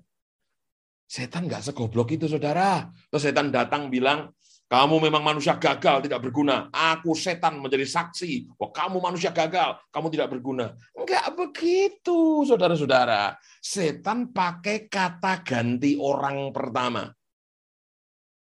Yaitu caranya, setan atau iblis mengganti kata kata kata ganti orang pertama untuk menabur di pikiran Anda seakan-akan itu Anda. Itu maksudnya kata ganti orang. Jadi gini, setan nggak bilang kamu kotor, enggak. Tapi Anda tiba-tiba ada suara di pikiranmu begini, saya memang kotor. Saya, bukan setan. Saya tidak berkenan di hadapan Allah. Padahal itu setan, tapi dia itu pinter dia kacaukan pikiranmu dengan kata ganti orang pertama. Jadi seakan-akan itu kamu. Saya kotor. Saya dosa. Ya inilah aku. Dari dulu aku gagal.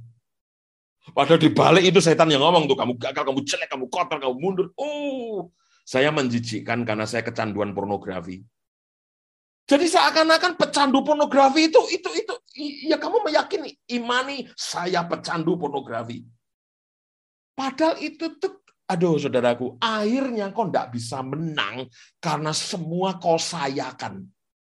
Semua kau akukan, kau sayakan. Padahal itu omongan setan pun kau sayakan.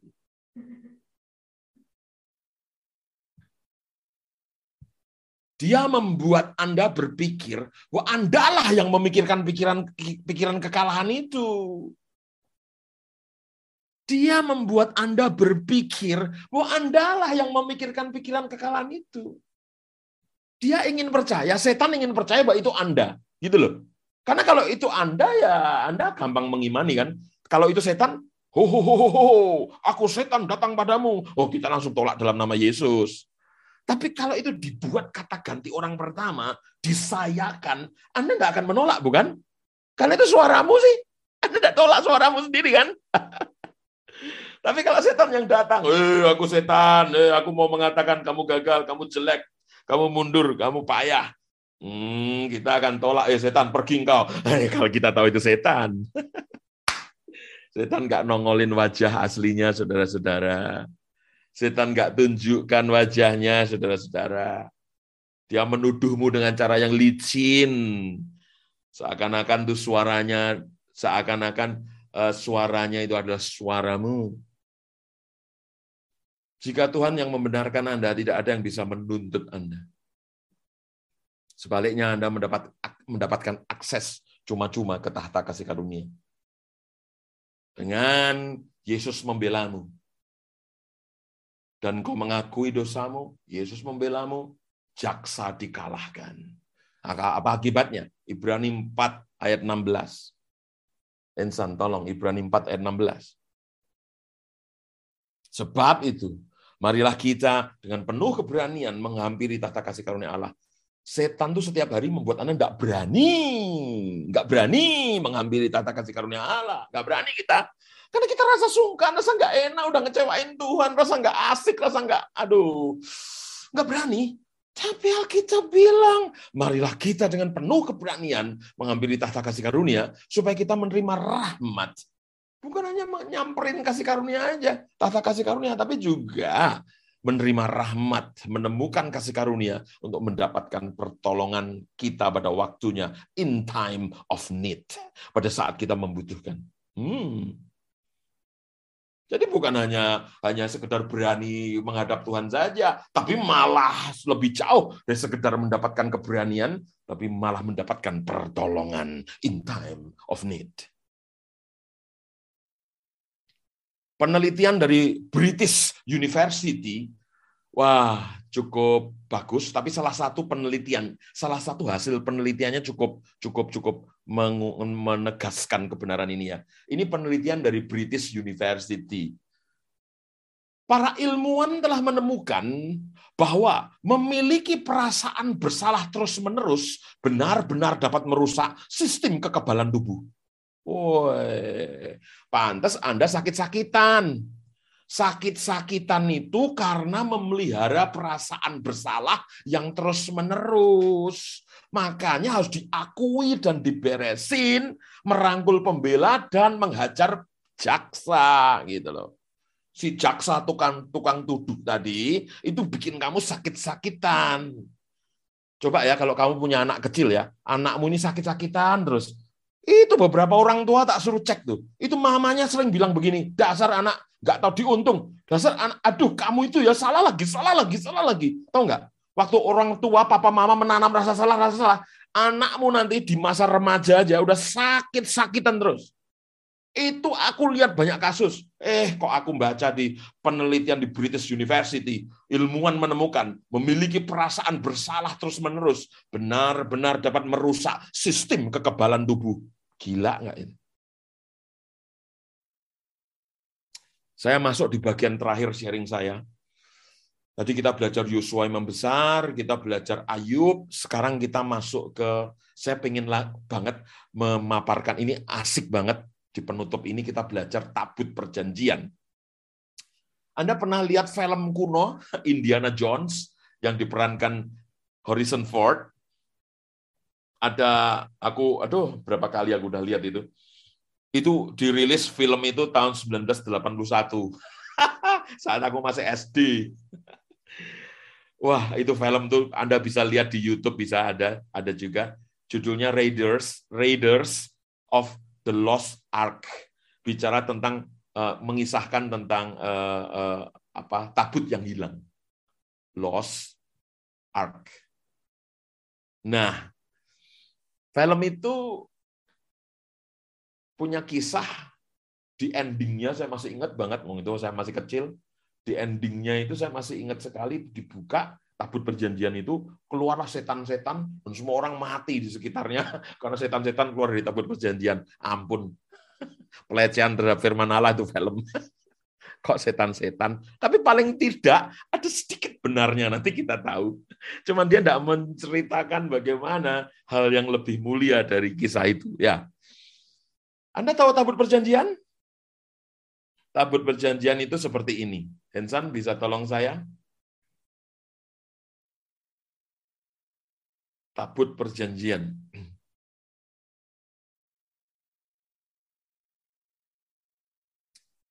Halo? Ya. Nah, ini tabut perjanjian. Nah, ini, ini. Nah, ini, ini yang benar nih. Tabut perjanjian tuh kayak gini tuh. Ya. Ukurannya panjangnya 2 meter, lebar 1 meter, tinggi 1 meter. 2 kali 1 kali 1. Gitu. Ini tabut perjanjian. Nah inilah yang diangkut orang Israel ke mana-mana. Dan di sinilah Tuhan hadir. Lihat ada tutupnya di atas tuh. Di atas, bagian atas tuh ada tutup, namanya tutup pendamaian. Terus di kedua ujung, nah ini, ada dua malaikat di tutup pendamaian ini. Anda lihat di tengah tutup pendamaian, nanti bakal saya ngomong itu. Ya, itu kayak asbak kuno itu. ada ditut, ada lingkaran di tengah, lingkaran di tengah itu tempat memercikkan darah anak domba tanpa celah. Ya, itu. Nah, Tuhan Allah itu hadir tepat di titik pusat itu. Nah, dua ada dua malaikat namanya kerubim itu membentang sayap. Nah, ini adalah eh, simbol dari sayap ini melindungi kebenaran dan melindungi kesucian. Itu maksudnya. Kalau Anda tanya orang Yahudi sama, mereka kan jawabnya, kenapa sayap ini menaungi tempat tengah itu, tengah itu, bundaran itu, itu disebut tahta kasih karunia. Dan seluruh kotak di atas ini disebut tutup pendamaian yang menutup tong di bawah, peti di bawah, itu ditutup sama ini. Jadi ada malaikat dua yang mengayomi. Dan Anda lihat, malaikat itu matanya, matanya tuh lihat ke tengah, melihat ke lingkaran tengah itu. Itu matanya. Itu lambang mata Tuhan yang melihat kasih karunia di sana. Ya. Nah, gambar berikutnya. Nah, Tuhan hadir di titik pusat tadi itu. Ya. Tuhan hadir di sana. Itu namanya Shekinah Glory. Kemuliaan Allah itu ada di atas tabut itu. Keluaran 22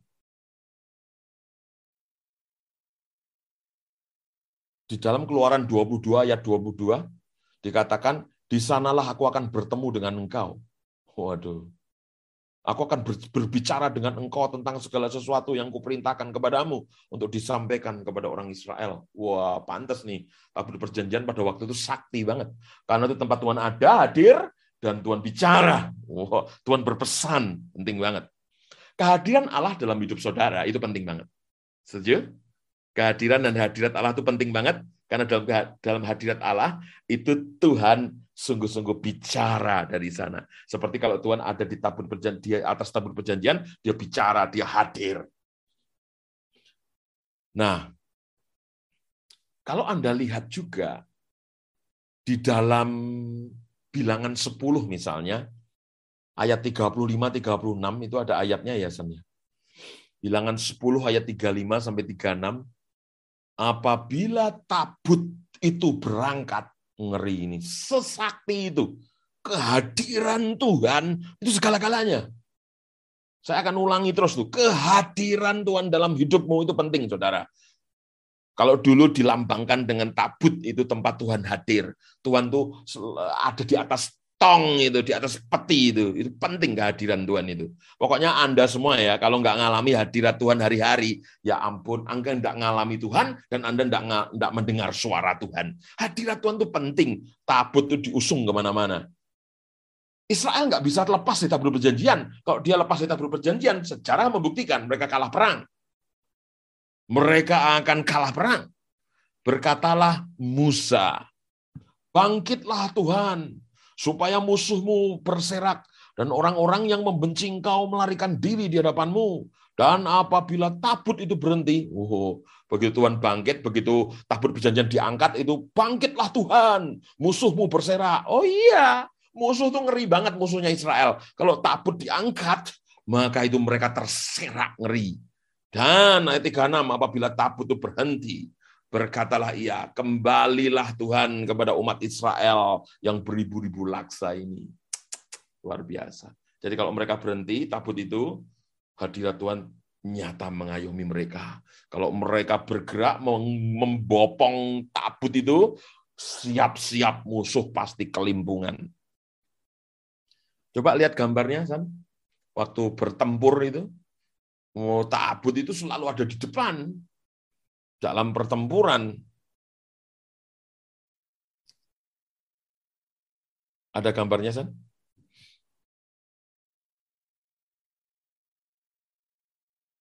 Nah, itu.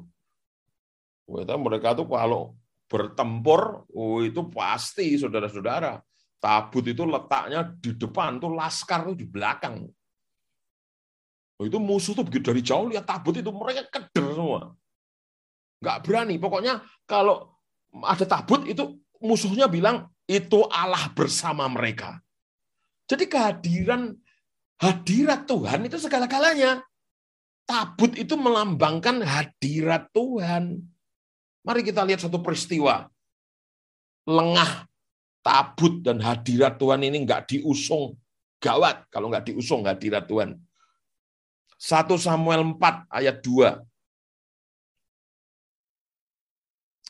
1 Samuel 4 ayat 2.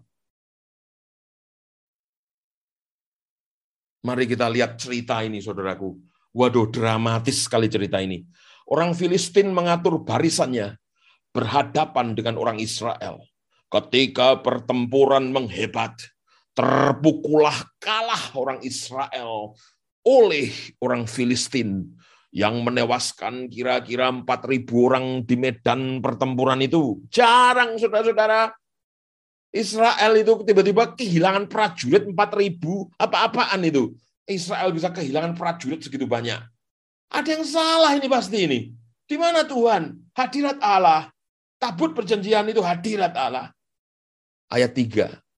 Ketika tentara itu kembali ke perkemahan, berkatalah para tua-tua Israel, Mengapa Tuhan membuat kita terpukul kalah oleh orang Filistin pada hari ini? Saudara-saudara, Mungkin ini teriakanmu juga. Kenapa aku kalah sebagai orang Kristen hari ini? Mengapa Tuhan membuat kita terpukul kalah oleh orang Filistin pada hari ini? Marilah kita mengambil dari silo tabut perjanjian.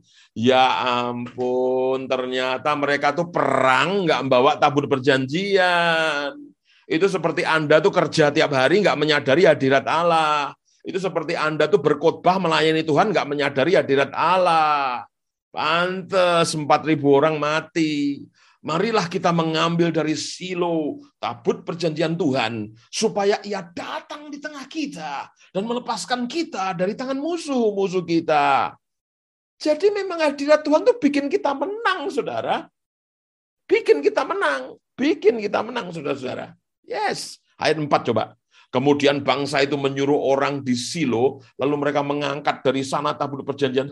mereka sadar. Mereka mengangkat tabut perjanjian Tuhan semesta alam yang bersemayam di atas para kerub.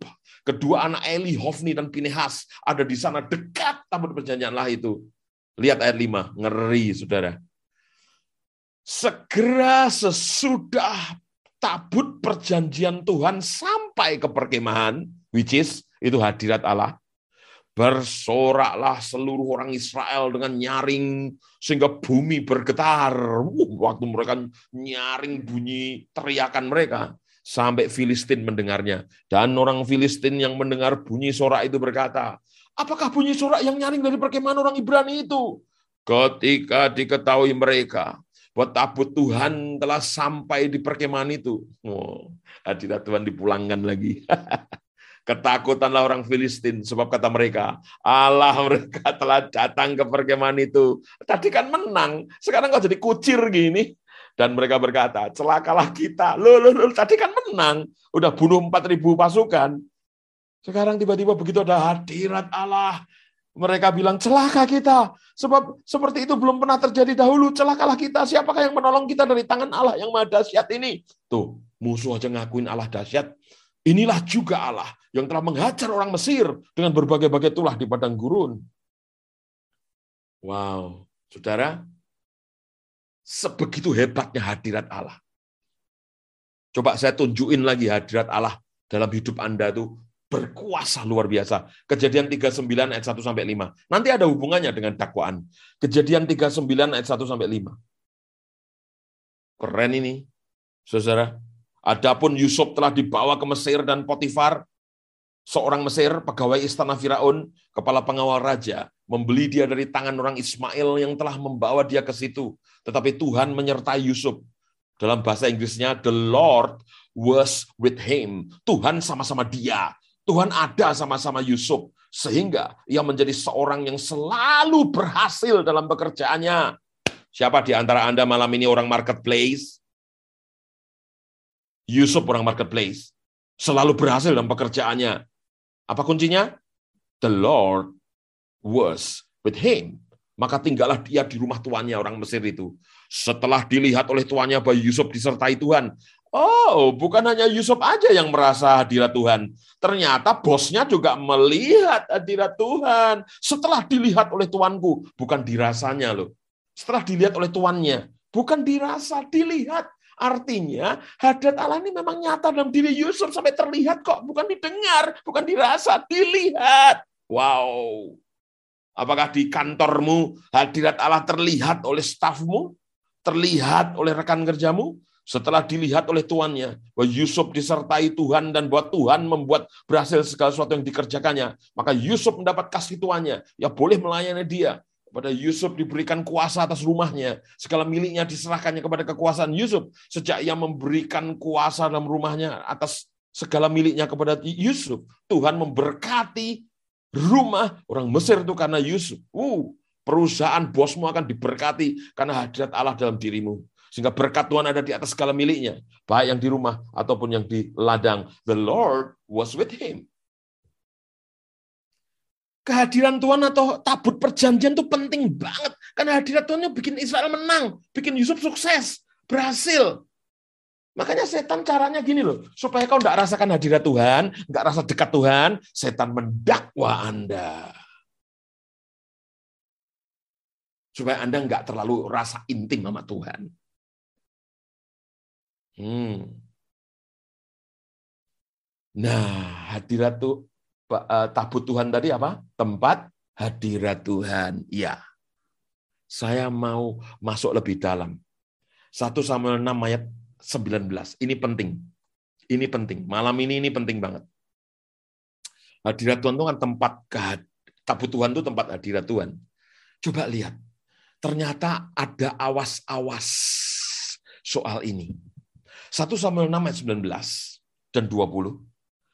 Dan ia membunuh beberapa orang Bet Semes karena mereka melihat ke dalam tabut Tuhan. Oh, saudara-saudara, ternyata tabut Tuhan itu waktu itu, zaman itu, nggak boleh dilongok isinya.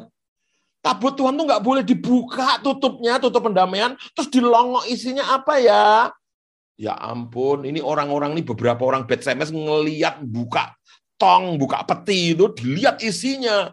Waduh, ya langsung membunuh 70 orang dari rakyat itu. Rakyat itu berkabung karena Tuhan telah menghajar mereka dengan dahsyat. Dan orang-orang SMS berkata, siapakah yang tahan berdiri di hadapan Tuhan Allah yang kudus ini? Kemudian siapa yang akan berangkat meninggalkan kita? Serius kan? Ngelongok, ngelongok isi tabut mati loh. Mati loh. Serius ini. Nah, sekarang Sebenarnya waktu dilongok, waktu diintip dalam isi tabut itu, tabut tempat hadirat Allah, itu kalau dilongok isinya apa sih? Tolong Hinsan buka Ibrani 9 ayat 4. Inilah isi tong tabut peti perjanjian. Inilah isinya. Di situ, di dalam tabut, terdapat mesbah pembakaran ukupan dari emas. Dan tabut perjanjian yang seluruhnya disalut dengan emas. Lihat, perhatikan. Di dalam tabut perjanjian itu tersimpan satu, buli-buli emas berisi mana. Dua, tongkat Harun yang pernah berbunga bertunas. Tiga, loh-loh batu yang bertuliskan perjanjian. Jadi di dalam tabut perjanjian yang nggak boleh diintip, yang nggak boleh dilongok itu nggak boleh dibuka-buka lagi, ditutup peti, uh, ditutup uh, tutup pendamaian. Itu ternyata isinya buli-buli emas berisi mana. Yang kedua tongkat Harun yang berbunga. Yang ketiga dua loh batu yang pernah diterima Musa. Itu nggak boleh diintip. Loh, coba lihat gambarnya San yang isinya itu saudara-saudara coba lihat tuh tabel perjanjian tuh dalamnya isinya tuh tongkat harun yang berbunga terus buli-buli isinya mana terus dua loh batu. Itu isinya. Itu nggak boleh diintip. Makanya ditutup oleh tutup pendamaian. Kenapa? Waduh saudara-saudara ternyata tiga benda itu melambangkan pemberontakan. Itu melambangkan dosa-dosa krusial, dosa-dosa. Oke, satu, dua loh batu. Kenapa dua loh batu ada di dalamnya, dalam tabut itu? Dua loh batu itu mewakili sepuluh perintah Allah. Nah, kenapa ada di dalamnya? Israel waktu itu tuh menolak standar-standar Allah. Dua loh batu sepuluh perintah Allah itu mewakili peringatan, penolakan manusia terhadap standar-standar Allah. Anda bisa lihat ulangan pasal 9 nanti ya. Dicatat aja, ulangan 9 ayat 11 sampai 12. Bahwa dua loh batu itu peringatan, ada di situ peringatan, eh kamu itu dulu memberontak kepada perintah-perintah Allah, gitu loh. Ya. Langsung yang kedua, yaitu mana? Mana itu mewakili penolakan manusia terhadap penyediaan Allah. Makanya perlu ada buli-buli tadi yang isinya mana. Oh sebagai peringatan gini loh, eh engkau itu ya, aku pelihara dulu, kamu malah nolak penyediaanku. Coba bilangan 11 ayat 4 misalnya. Ada nggak, San? Bilangan 11 ayat 4. Nah, itu kan kurang ajar ini. Orang-orang orang-orang bajingan yang ada di antara mereka kemasukan nafsu rakus dan orang Israel pun menangis pula serta berkata, siapakah yang akan memberi kita makan daging? Kita teringat kepada ikan yang kita makan di Mesir dengan tidak membayar apa-apa. Gila, melecehkan penyediaan Tuhan tuh. Mereka nggak puas sama mana. Kepada mentimun dan semangka. Bawang prei, bawang merah, bawang putih, ya ampun. Mereka membandingkan dengan makanan-makanan di Mesir. Tetapi sekarang kita kurus kering. Tidak ada sesuatu apa pun. Kecuali mana ini saja yang kita lihat. Uh, cukup. Ini jelas-jelas mana itu ada di dalam tong peti perjanjian untuk mengingatkan mereka untuk untuk untuk gini memberikan peringatan tadinya bahwa ini nih dosa mereka menolak penyediaan Allah. Yang pertama tadi dosa menolak perintah Allah, sepuluh perintah Tuhan. Yang kedua menolak penyediaan Tuhan, tapi ada dosa ketiga, yaitu tongkat Harun. Tongkat Harun yang berbunga itu mewakili penolakan manusia terhadap kepemimpinan yang ditetapkan Tuhan, yaitu kepemimpinan Tuhan sendiri. Lewat tongkat Harun. Harun itu pemimpin, ditolak sama mereka. Dalam bilangan 16, nggak usah dibuka, dalam bilangan 16 dikatakan, tuh bersepakat melawan Tuhan kamu. Kamu dengan kamu menolak Harun, kamu tuh bersepakat melawan pemerintahan kepemimpinan Tuhan. Jadi dengan demikian saudara-saudara, Israel itu menolak tiga hal, dan itu disebut pemberontakan. Satu, menolak kepemimpinan Tuhan, menolak penyediaan Tuhan, dan menolak perintah Tuhan. Itu kayak kita bukan? Seperti kita enggak? Hari-hari kita gitu enggak? Menolak perintah Tuhan, menolak penyediaan Tuhan, menolak kepemimpinan Tuhan dan kepemimpinan Roh Kudus kan? Itu kita kan, kita banget kan? Nah, benda-benda itu disuruh tutup tongnya gitu loh. Allah tidak ingin kita melihat ke dalam tabut. Karena itu lambang-lambang pemberontakan jangan ditengok-tengok, ditutup.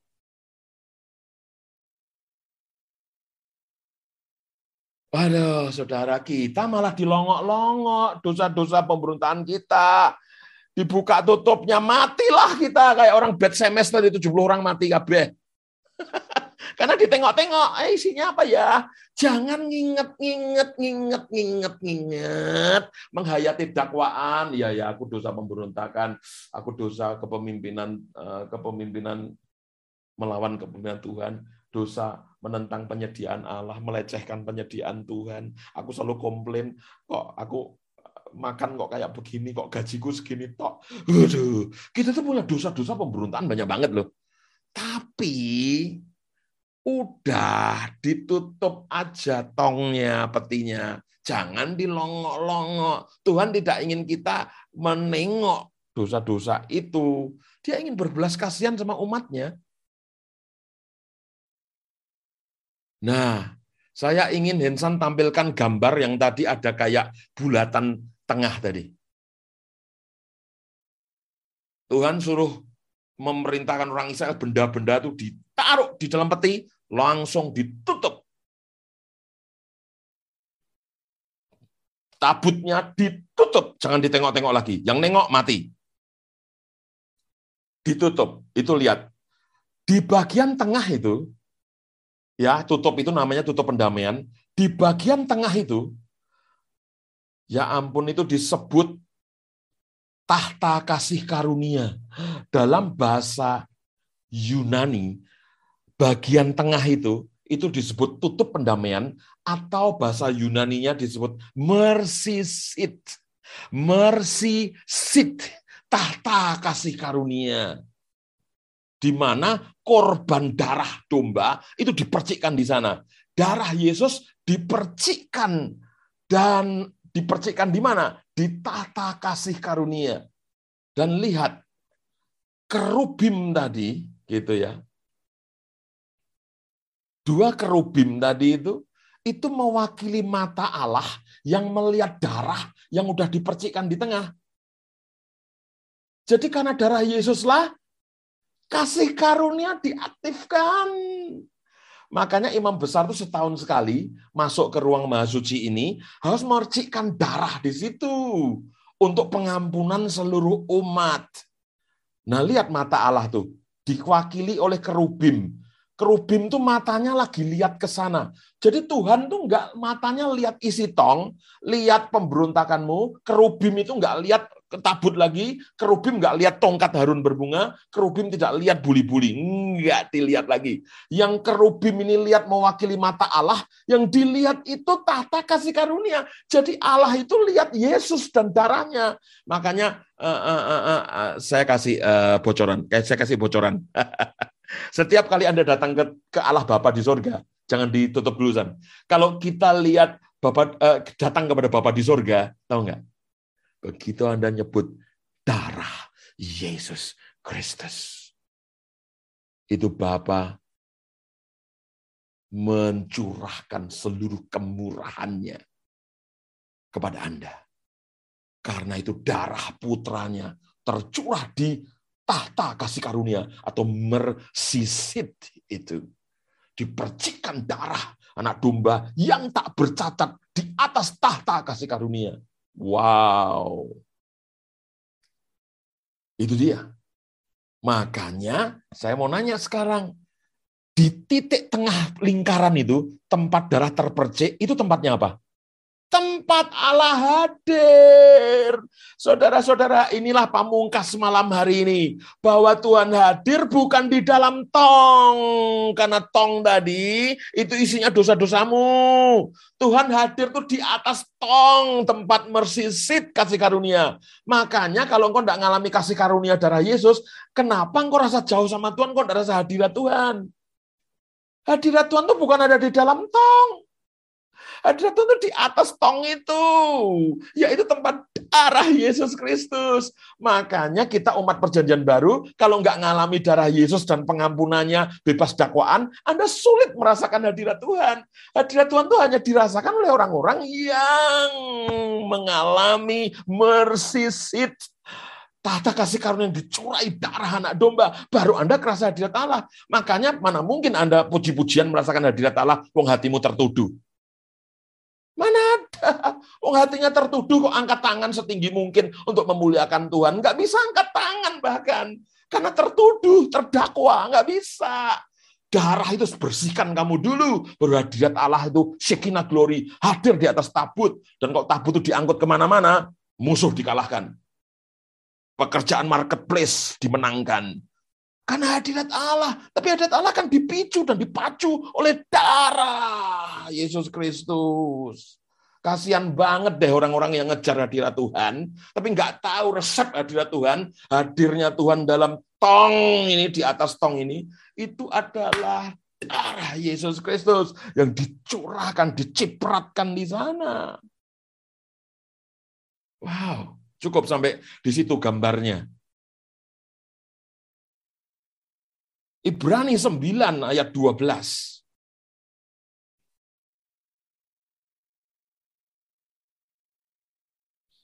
Ibrani 9 ayat 12. Atau langsung aja 1 Yohanes 2 ayat 2, San, kalau ada. 1 Yohanes 2 ayat 2.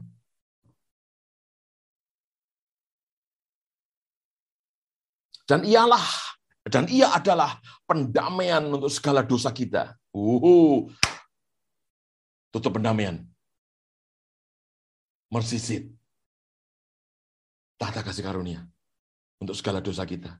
Bukan dosa kita saja, tapi juga untuk dosa seluruh dunia. Wong seluruh dunia jadi cover kok apalagi dosa Anda. Dalam bahasa Yunani pendamaian adalah tahta kasih karunia. Wow. Roma 3 ayat 25 sampai 26. San tolong. Kristus Yesus telah ditentukan Allah menjadi jalan pendamaian. Bagaimana? Anda bisa berdamai dengan Allah begini iman dalam darahnya. Makanya saudara-saudara, tuh ditulis tuh jalan pendamaian tuh iman dalam darahnya. Jangan pakai perasaan, aduh kok aku nggak layak ya, kok aku nggak layak ya, kok aku tertuduh ya, kok aku kok aku terdakwa ya. Anda jangan pakai perasaan. Jalan pendamaian itu karena iman. Percaya aja meskipun perasaanmu bilang, aduh aku memang salah, aku tertuduh, aku aku aku gagal, aku aku busuk. Itu kan perasaanmu. Anda percaya perasaan apa kebenaran? Kalau kebenaran bilang jalan pendamaian karena iman dalam darahnya, bukan perasaan. Wow.